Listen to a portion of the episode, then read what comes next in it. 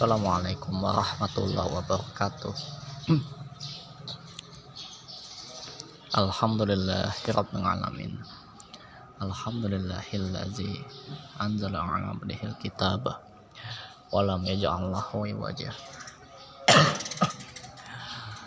Segala puji bagi Allah Subhanahu wa taala yang telah menguatkan kita dengan nikmat iman Islam. Sehingga alhamdulillah dengan izin Allah Subhanahu wa taala kita dimampukan untuk bisa menjalankan sholat subuh berjamaah pada hari ini. Dan Allah pertemukan kita kembali dalam taklim subuh rutin baik yang melalui podcast ataupun yang langsung datang ke Masjid Al-Ikhlas ini. Insya Allah semoga kita semua senantiasa istiqomah mengerjakan perintah Allah dan menjauhi larangannya. Dan semoga orang-orang yang belum diberi hidayah baik itu dari kalangan keluarga kita sahabat kita tetangga-tetangga kita atau mungkin orang-orang yang belum kita kenal kita doakan semoga orang yang belum kembali ke jalan Allah Subhanahu wa taala Allah berikan hidayah supaya bisa kembali ke jalan yang diridhoi oleh Allah Subhanahu wa taala. Amin ya rabbal alamin. Dan mari kita ucapkan salawat dan salam kepada junjungan Nabi besar kita yakni Nabi Muhammad sallallahu alaihi wasallam beserta para keluarganya, para sahabatnya dan orang-orang yang senantiasa berjalan istiqomah di bawah naungan sunnah Nabi Muhammad wasallam hingga akhir hayatnya.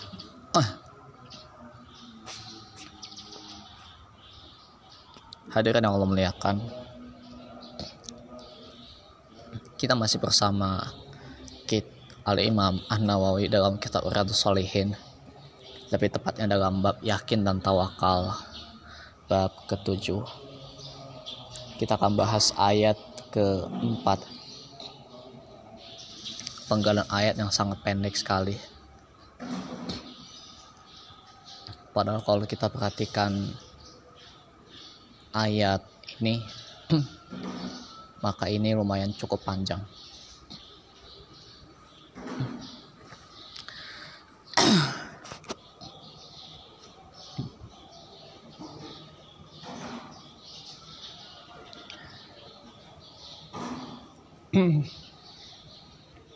Kita cek Quran surat Ibrahim ayat 11 itu adalah ayat keempat cantumkan oleh Imam An-Nawawi dalam kitab Riyadus Solihin Anda bisa baca tafsir Nukasir di ayat 11-nya di surat Ibrahim. Kalau dibaca dalam kitab Riyadhus Salihin, bunyi ayatnya hanya sampai sampai seperti ini. Wa 'alallahi mu'minun. Dan hanya kepada Allah saja hendaknya orang-orang mukmin bertawakal. Nah, kalau kita baca secara lengkap ayat 11-nya, maka bunyi ayatnya adalah wa malana al natawakkala 'ala Allahi wa qad hada subulana wala nasbira. Oh maaf salah. Kalau lengkapnya Allah berfirman Qalat lahum rusuluhum innahnu illa bashar mislukum walakin Allah yamunnu ala may yasha may yasha min ibadihi wa ma kana lana an natiyakum bisultanin illa biiznillahi wa 'ala Allahi falyatawakkalul mu'minun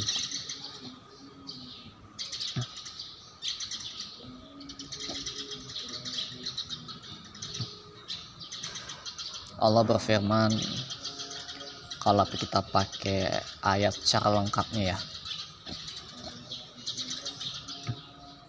kami tidak lain hanyalah manusia seperti kalian. Artinya memang benar kami adalah manusia biasa seperti kalian. Kalau di situ ada lanjutannya walakinallaha yamunnu ala may yasha min ibadih. Akan tetapi Allah memberi karunia kepada siapa yang dia kehendaki di antara hamba-hambanya. Yakni kerasulan dan kenabian. Wa kana lana an natiyakum bisultan. Dan tidak patut bagi kami mendatangkan suatu bukti kepada kalian. Sesuai dengan apa yang kalian minta. Illa biiznillah melainkan dengan izin Allah Subhanahu wa taala kecuali dengan izin Allah Subhanahu wa taala. Yakni sesudah kami minta kepadanya dan dia mengizinkan kepada kami untuk mengeluarkannya. Wa 'alallahi falyatawakkalul mu'minun. Dan hanya kepada Allah sajalah hendaknya orang-orang mukmin bertawakal dalam yaitu dalam semua urusan mereka. Begitu.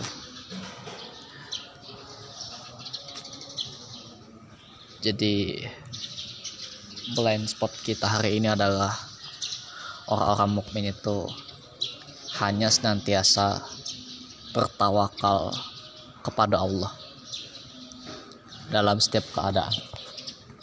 Mukmin itu kata subjeknya dari iman ya hadirin. Kalau kita baca dalam bab muraqabah hadis Umar bin Khattab kita sudah menjelaskan di bukan di podcast ya, tapi ya ada file terpisah di sana. Insya Allah di Google Drive. Bisa diminta ya kalau memang mau. Iman itu adalah iman kepada Allah malaikatnya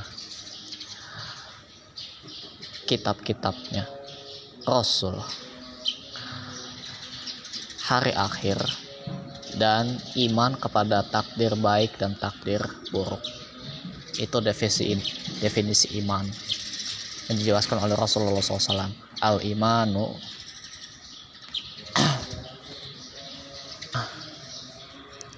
al iman.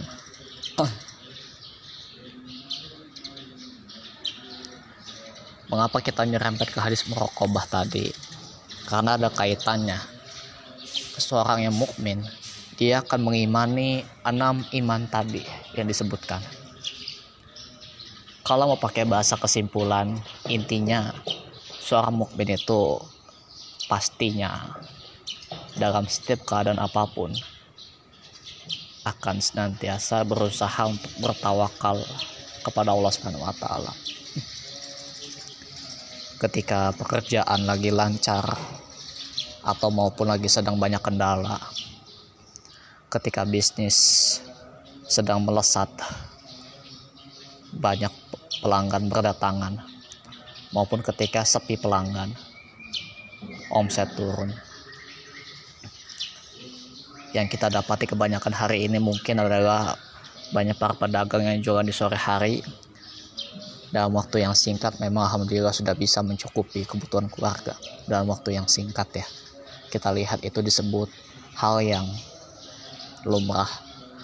Hal yang sangat bagus. Terlepas dalam keadaan yang tidak memungkinkan ya. Orang mukmin itu dia akan bertawakal dalam setiap keadaan apa pun. Mau itu ketika kita menghadapi bisnisnya atau ketika lagi bersama keluarga atau lagi bersama tatanan masyarakat saudara dan seterusnya.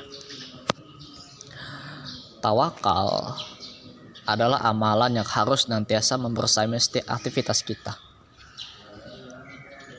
Tentu ini tawakal ini masih kata kerja ya, belum disandingkan ke siapa pun.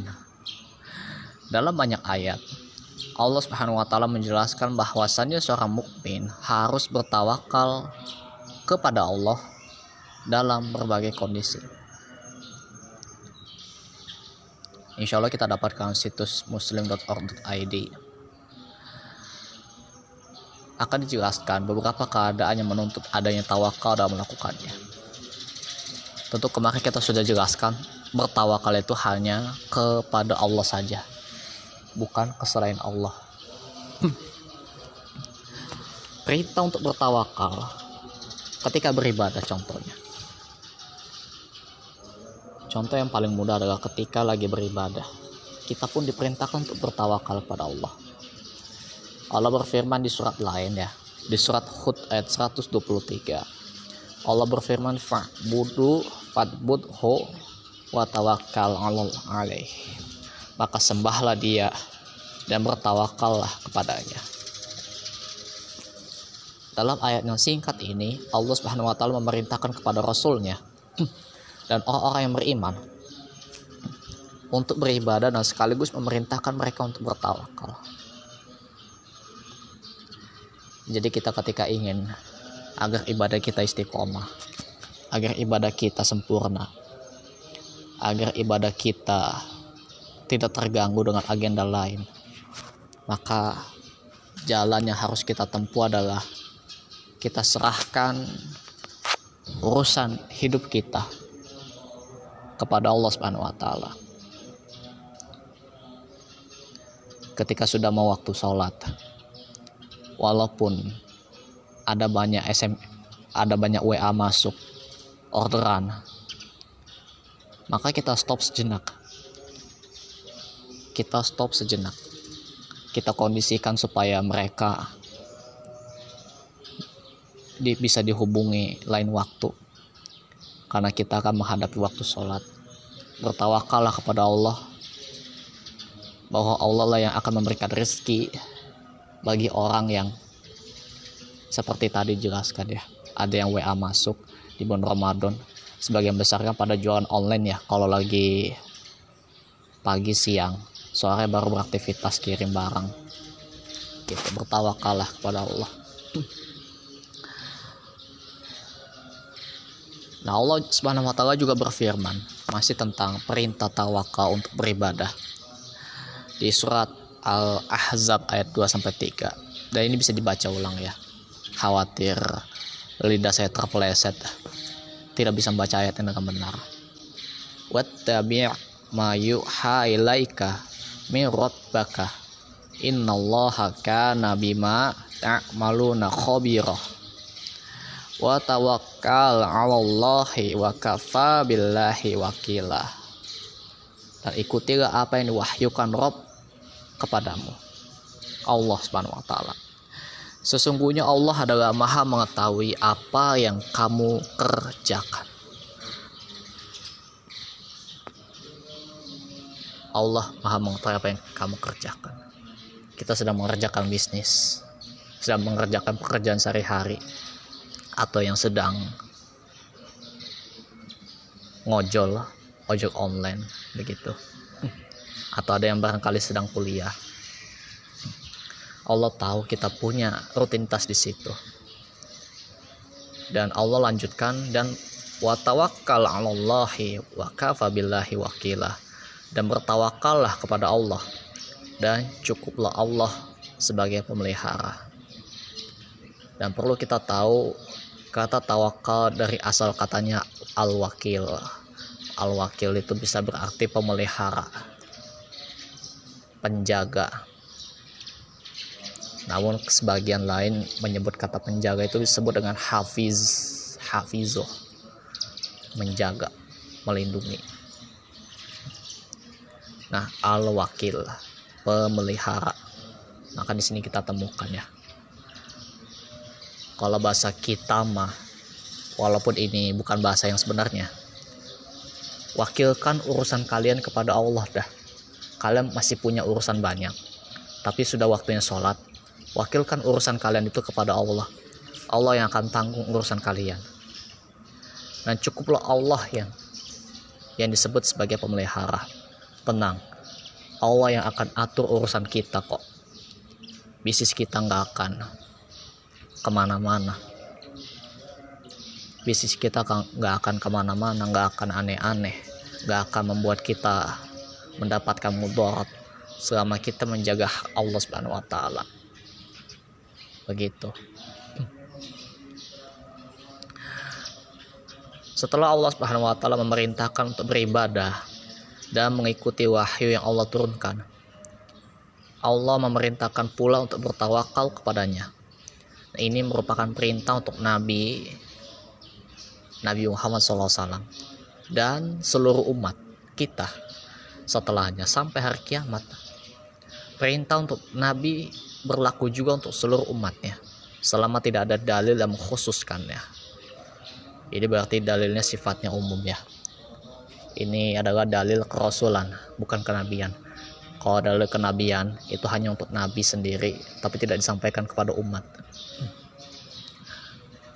kita lanjut. Itu baru tentang perintah tawakal ketika beribadah. Ada juga perintah tawakal saat saat berdakwah. Bagi yang mungkin menekuni aktivitas dakwah mengajak orang lain kembali kepada kebenaran yang hak al-haq dan mengajak mereka untuk menjauhi yang batil al-batil amar ma'ruf nahi mungkar gitu ya bahasanya Nah, Allah Subhanahu wa taala berfirman di surat At-Taubah ayat 129. Fa in tawallau faqul hasbiyallahu la ilaha illa huwa alaihi tawakkaltu wa huwa rabbul arsyil azim. Hasbiyallahu la ilaha illa huwa alaihi tawakkaltu wa huwa rabbul arsyil azim. Nah, kalau kita perhatikan ini mirip seperti zikir pagi petang kita. Zikir pagi petang ya. Bacanya ada di surat At-Taubah 129 dari kata hasbiyallahu la ilaha illa huwa alaihi tawakkaltu wa huwa rabbul arsyil azim. Cukuplah bagi Allah, cukuplah Allah bagiku. Tidak ada Rob yang berhak diibadahi dengan benar kecuali Allah dia. Hanya kepadanya aku bertawakal dan dia adalah Rob yang memiliki arsh yang aku ya ini adalah bacaan yang penting ya untuk kita kalau berzikir pagi petang bahwa yang mencukupkan segala urusan kita hanyalah Allah hanya kepada Allah lah kita pantas untuk bertawakal kepadanya, menyerahkan segala urusannya kepada yang maha hidup, sebagaimana sudah kita jelaskan sebelumnya. Mengapa kita harus bertawakal kepada Allah? Dan Allah adalah yang memiliki ars yang agung. Nabi Nuh alaihi salam bertawakal kepada Allah ketika mengemban amanah amanah dakwah. Salah satu contoh. Sebagaimana disebutkan oleh Allah dalam firman-Nya di surat Yunus ayat 71 Watslu alaihim nab naba anuhin iz qala liqaumihi ya qaumi in kana kabira alaikum maqami dan bacakanlah kepada mereka berita penting tentang Nuh di waktu dia berkata kepada kaumnya Hai kaumku jika terasa berat bagimu tinggal bersamaku. Wa tadzkiri bi ayatillahi fa'alallahi. Tawakkaltu fajmi'u amrakum. Dan peringatanku kepadamu dengan ayat-ayat Allah. Maka kepada Allah lah aku bertawakal. Karena itu bulatkanlah keputusanmu wa syuraka akum summa layakun amrokum. Karena itu bulatkanlah keputusanmu dan kumpulkanlah sekutu-sekutumu untuk membinasakanku. Alaikum gummata summa qaddu ilayya wala tanzirun. Kemudian janganlah keputusanmu itu dirahasiakan. Lalu lakukanlah terhadap diriku dan janganlah kamu memberi tangguh kepadaku surat Yunus ayat 71 ini perlu dicatat ya kalau mau kalau penting. Ini sangat penting. Setelah berdakwah selama bertahun-tahun kepada kaumnya sebagian meriwayatkan beli beliau sampai hampir setengah abad ya setengah abad lebih bahkan. Walau alam 600 tahun atau seterusnya yang kita pahami kebanyakan usia beliau itu sampai 950 tahunan. Kurang lebih seperti itu. Selama itu beliau berdakwah.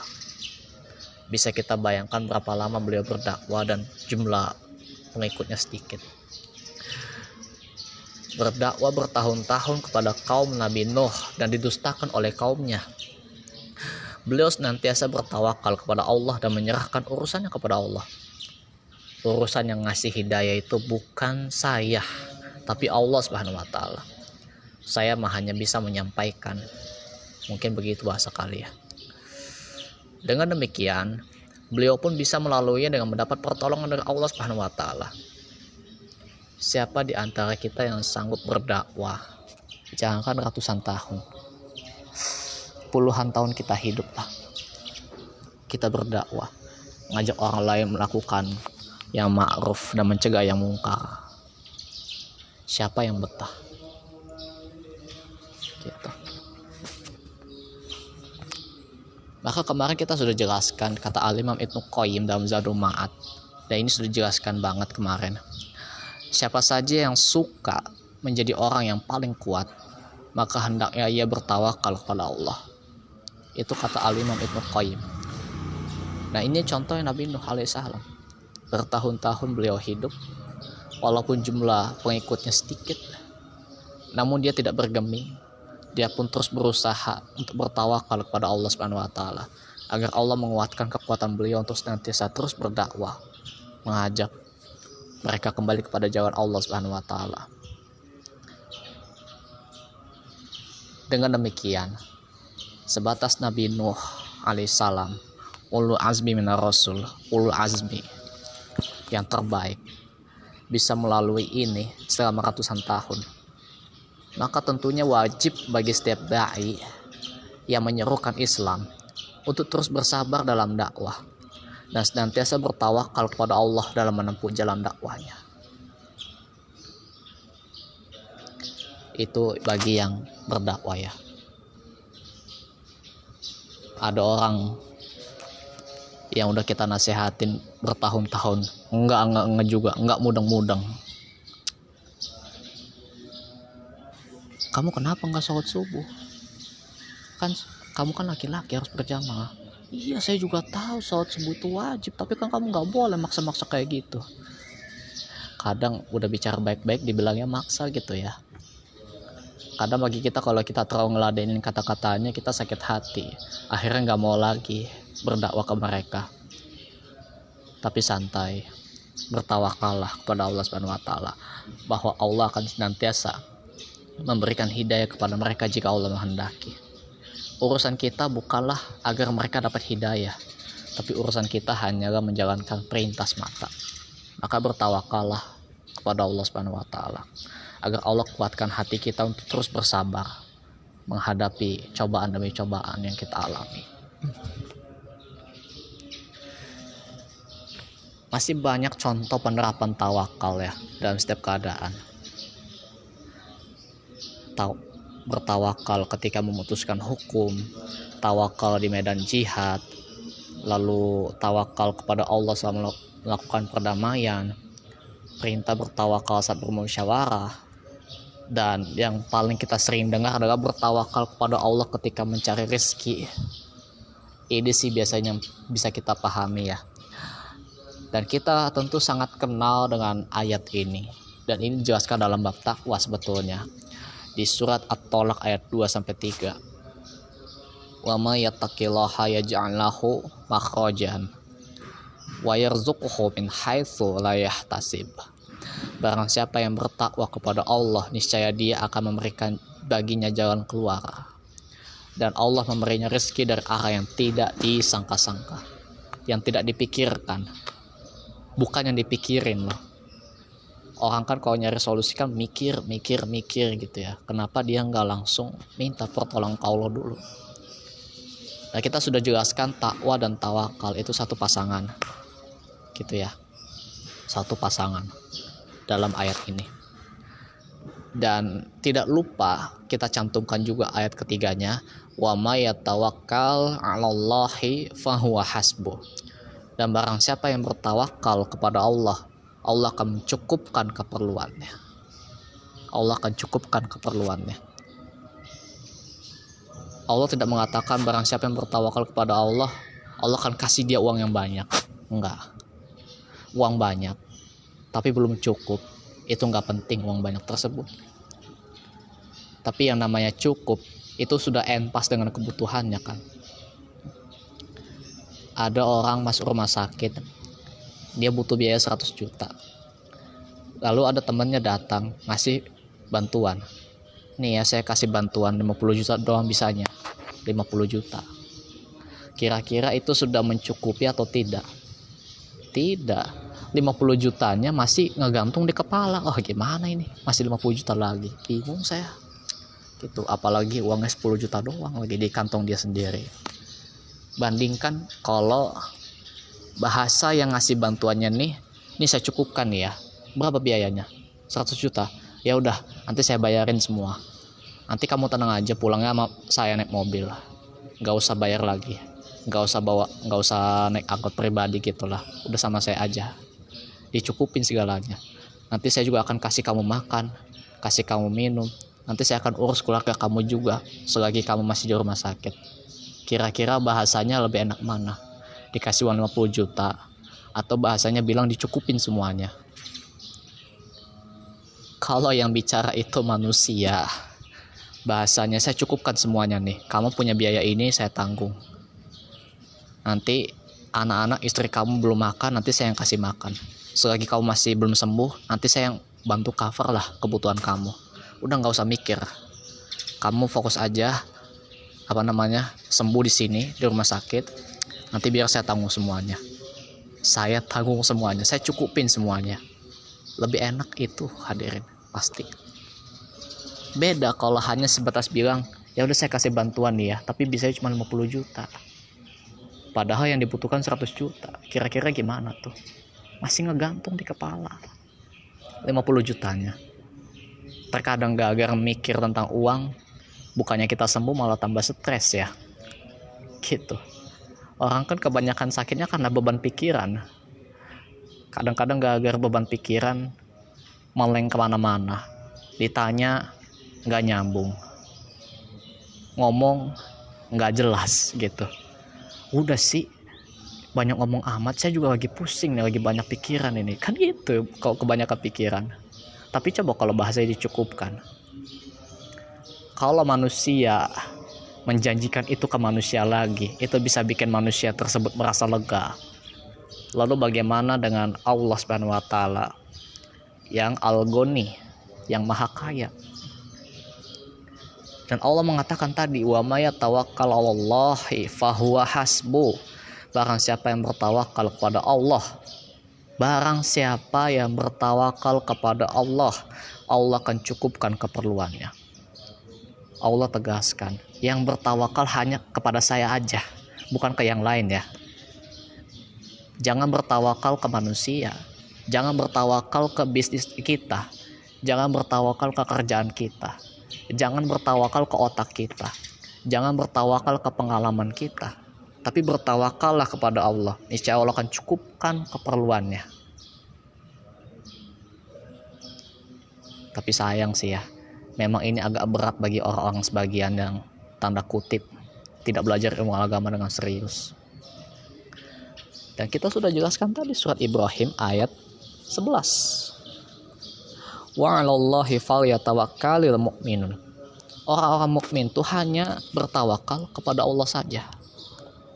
Jadi ini kita perlu ngecek iman kita. Kita bertawakal ke siapa sebetulnya?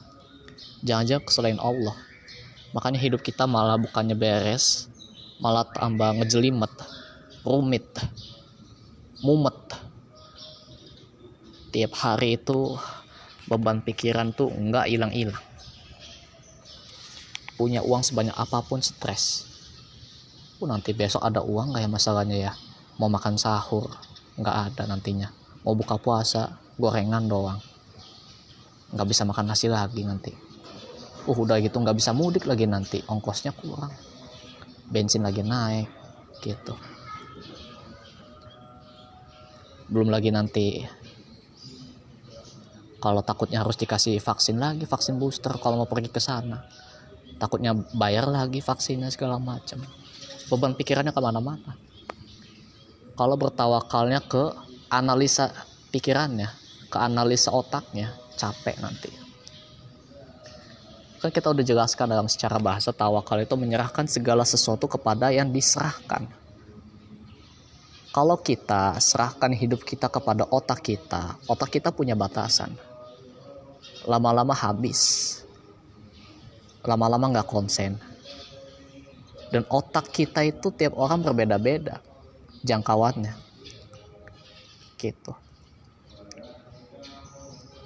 Capek nantinya kalau kita bertawakal kepada Allah Allah akan urus semuanya Allah yang kecukupkan semuanya tentu dengan bertahap-tahap kita juga harus menjalankan perintah Allah dan menjauhi larangannya sebagai konsekuensi kita dalam sebagai konsekuensi kita sebagai hamba tentunya.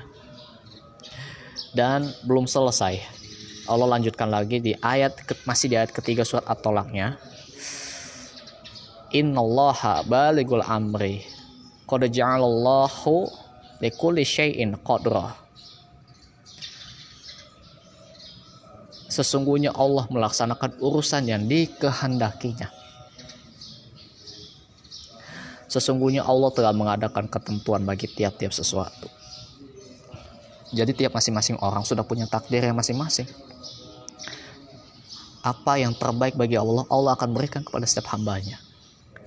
Terlepas hamba tersebut akan menerima atau tidak. Nah, Abdullah bin Mas'ud radhiyallahu anhu mengatakan, Sesungguhnya ayat yang paling jelas menunjukkan mengenai tawakal adalah firman Allah di surat At-Talaq tadi. Wa ma yattaqillaha yaj'al lahu makhraja wa yarzuquhu min haitsu la yahtasib.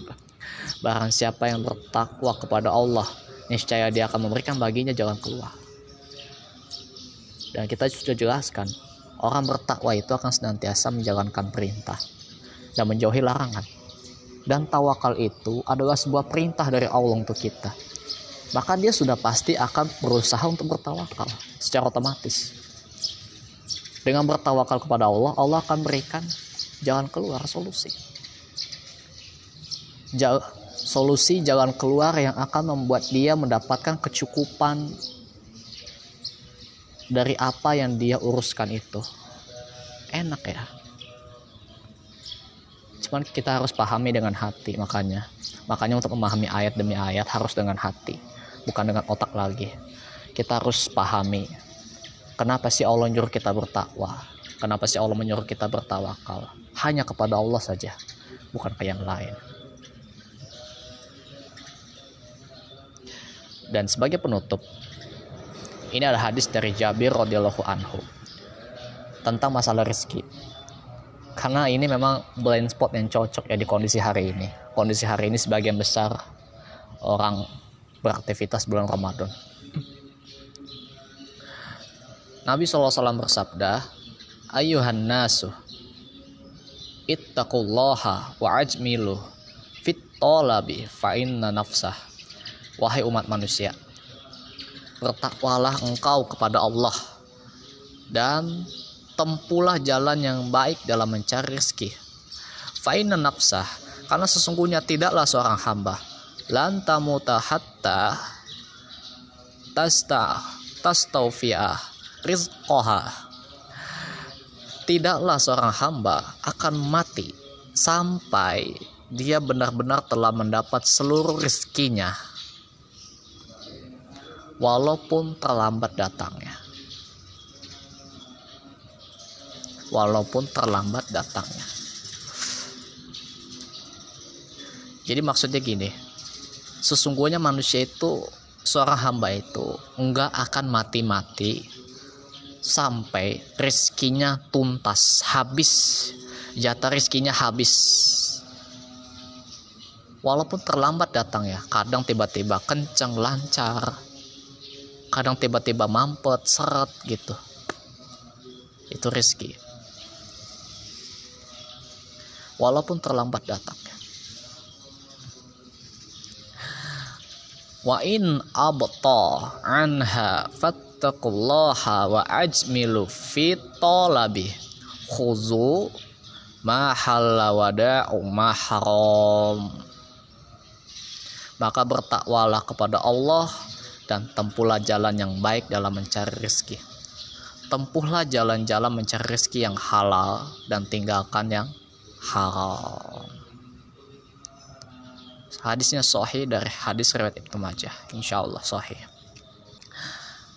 Jadi hadirin, kita mau dapat rezeki yang halal atau haram,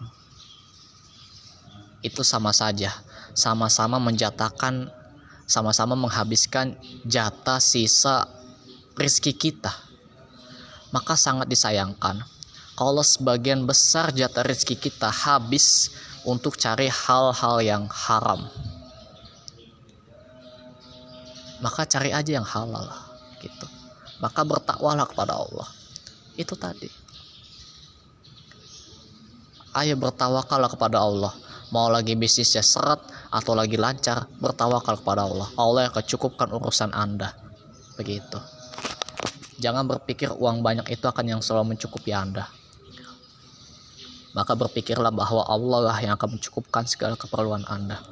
Mau itu kondisinya lagi bagus mau lagi susah. Itu yang mungkin bisa disampaikan pada hari ini. Walaupun tidak bisa dijelaskan banyak contoh-contoh tawakal dalam kehidupan sehari-hari dan insya Allah mungkin Anda sudah memahami itu ya. Ketika Anda mengetahui kaidah dasarnya maka itu tidak akan sulit insya Allah kita minta pertolongan kepada Allah Subhanahu wa taala agar Allah senantiasa berikan kepada kita ilmu yang bermanfaat, rezeki yang berkah dan amalan yang diterima. Allahumma inni as'alukal ilman nafi'an wa rizqan thayyiban wa amalan mutaqabbalan. Dan selanjutnya kita akan besok insya Allah besok kita akan baca uh, ayat berikutnya dan sebetulnya ayat tentang tawakal ini sangat banyak sekali. Ini bisa dilihat ya di kitab Riyadus Solihin Insya Allah ada sekitar satu dua tiga. Ada tiga sisanya yang bisa kita baca. Besok kita akan baca tentang surat Ali Imran ayat 159.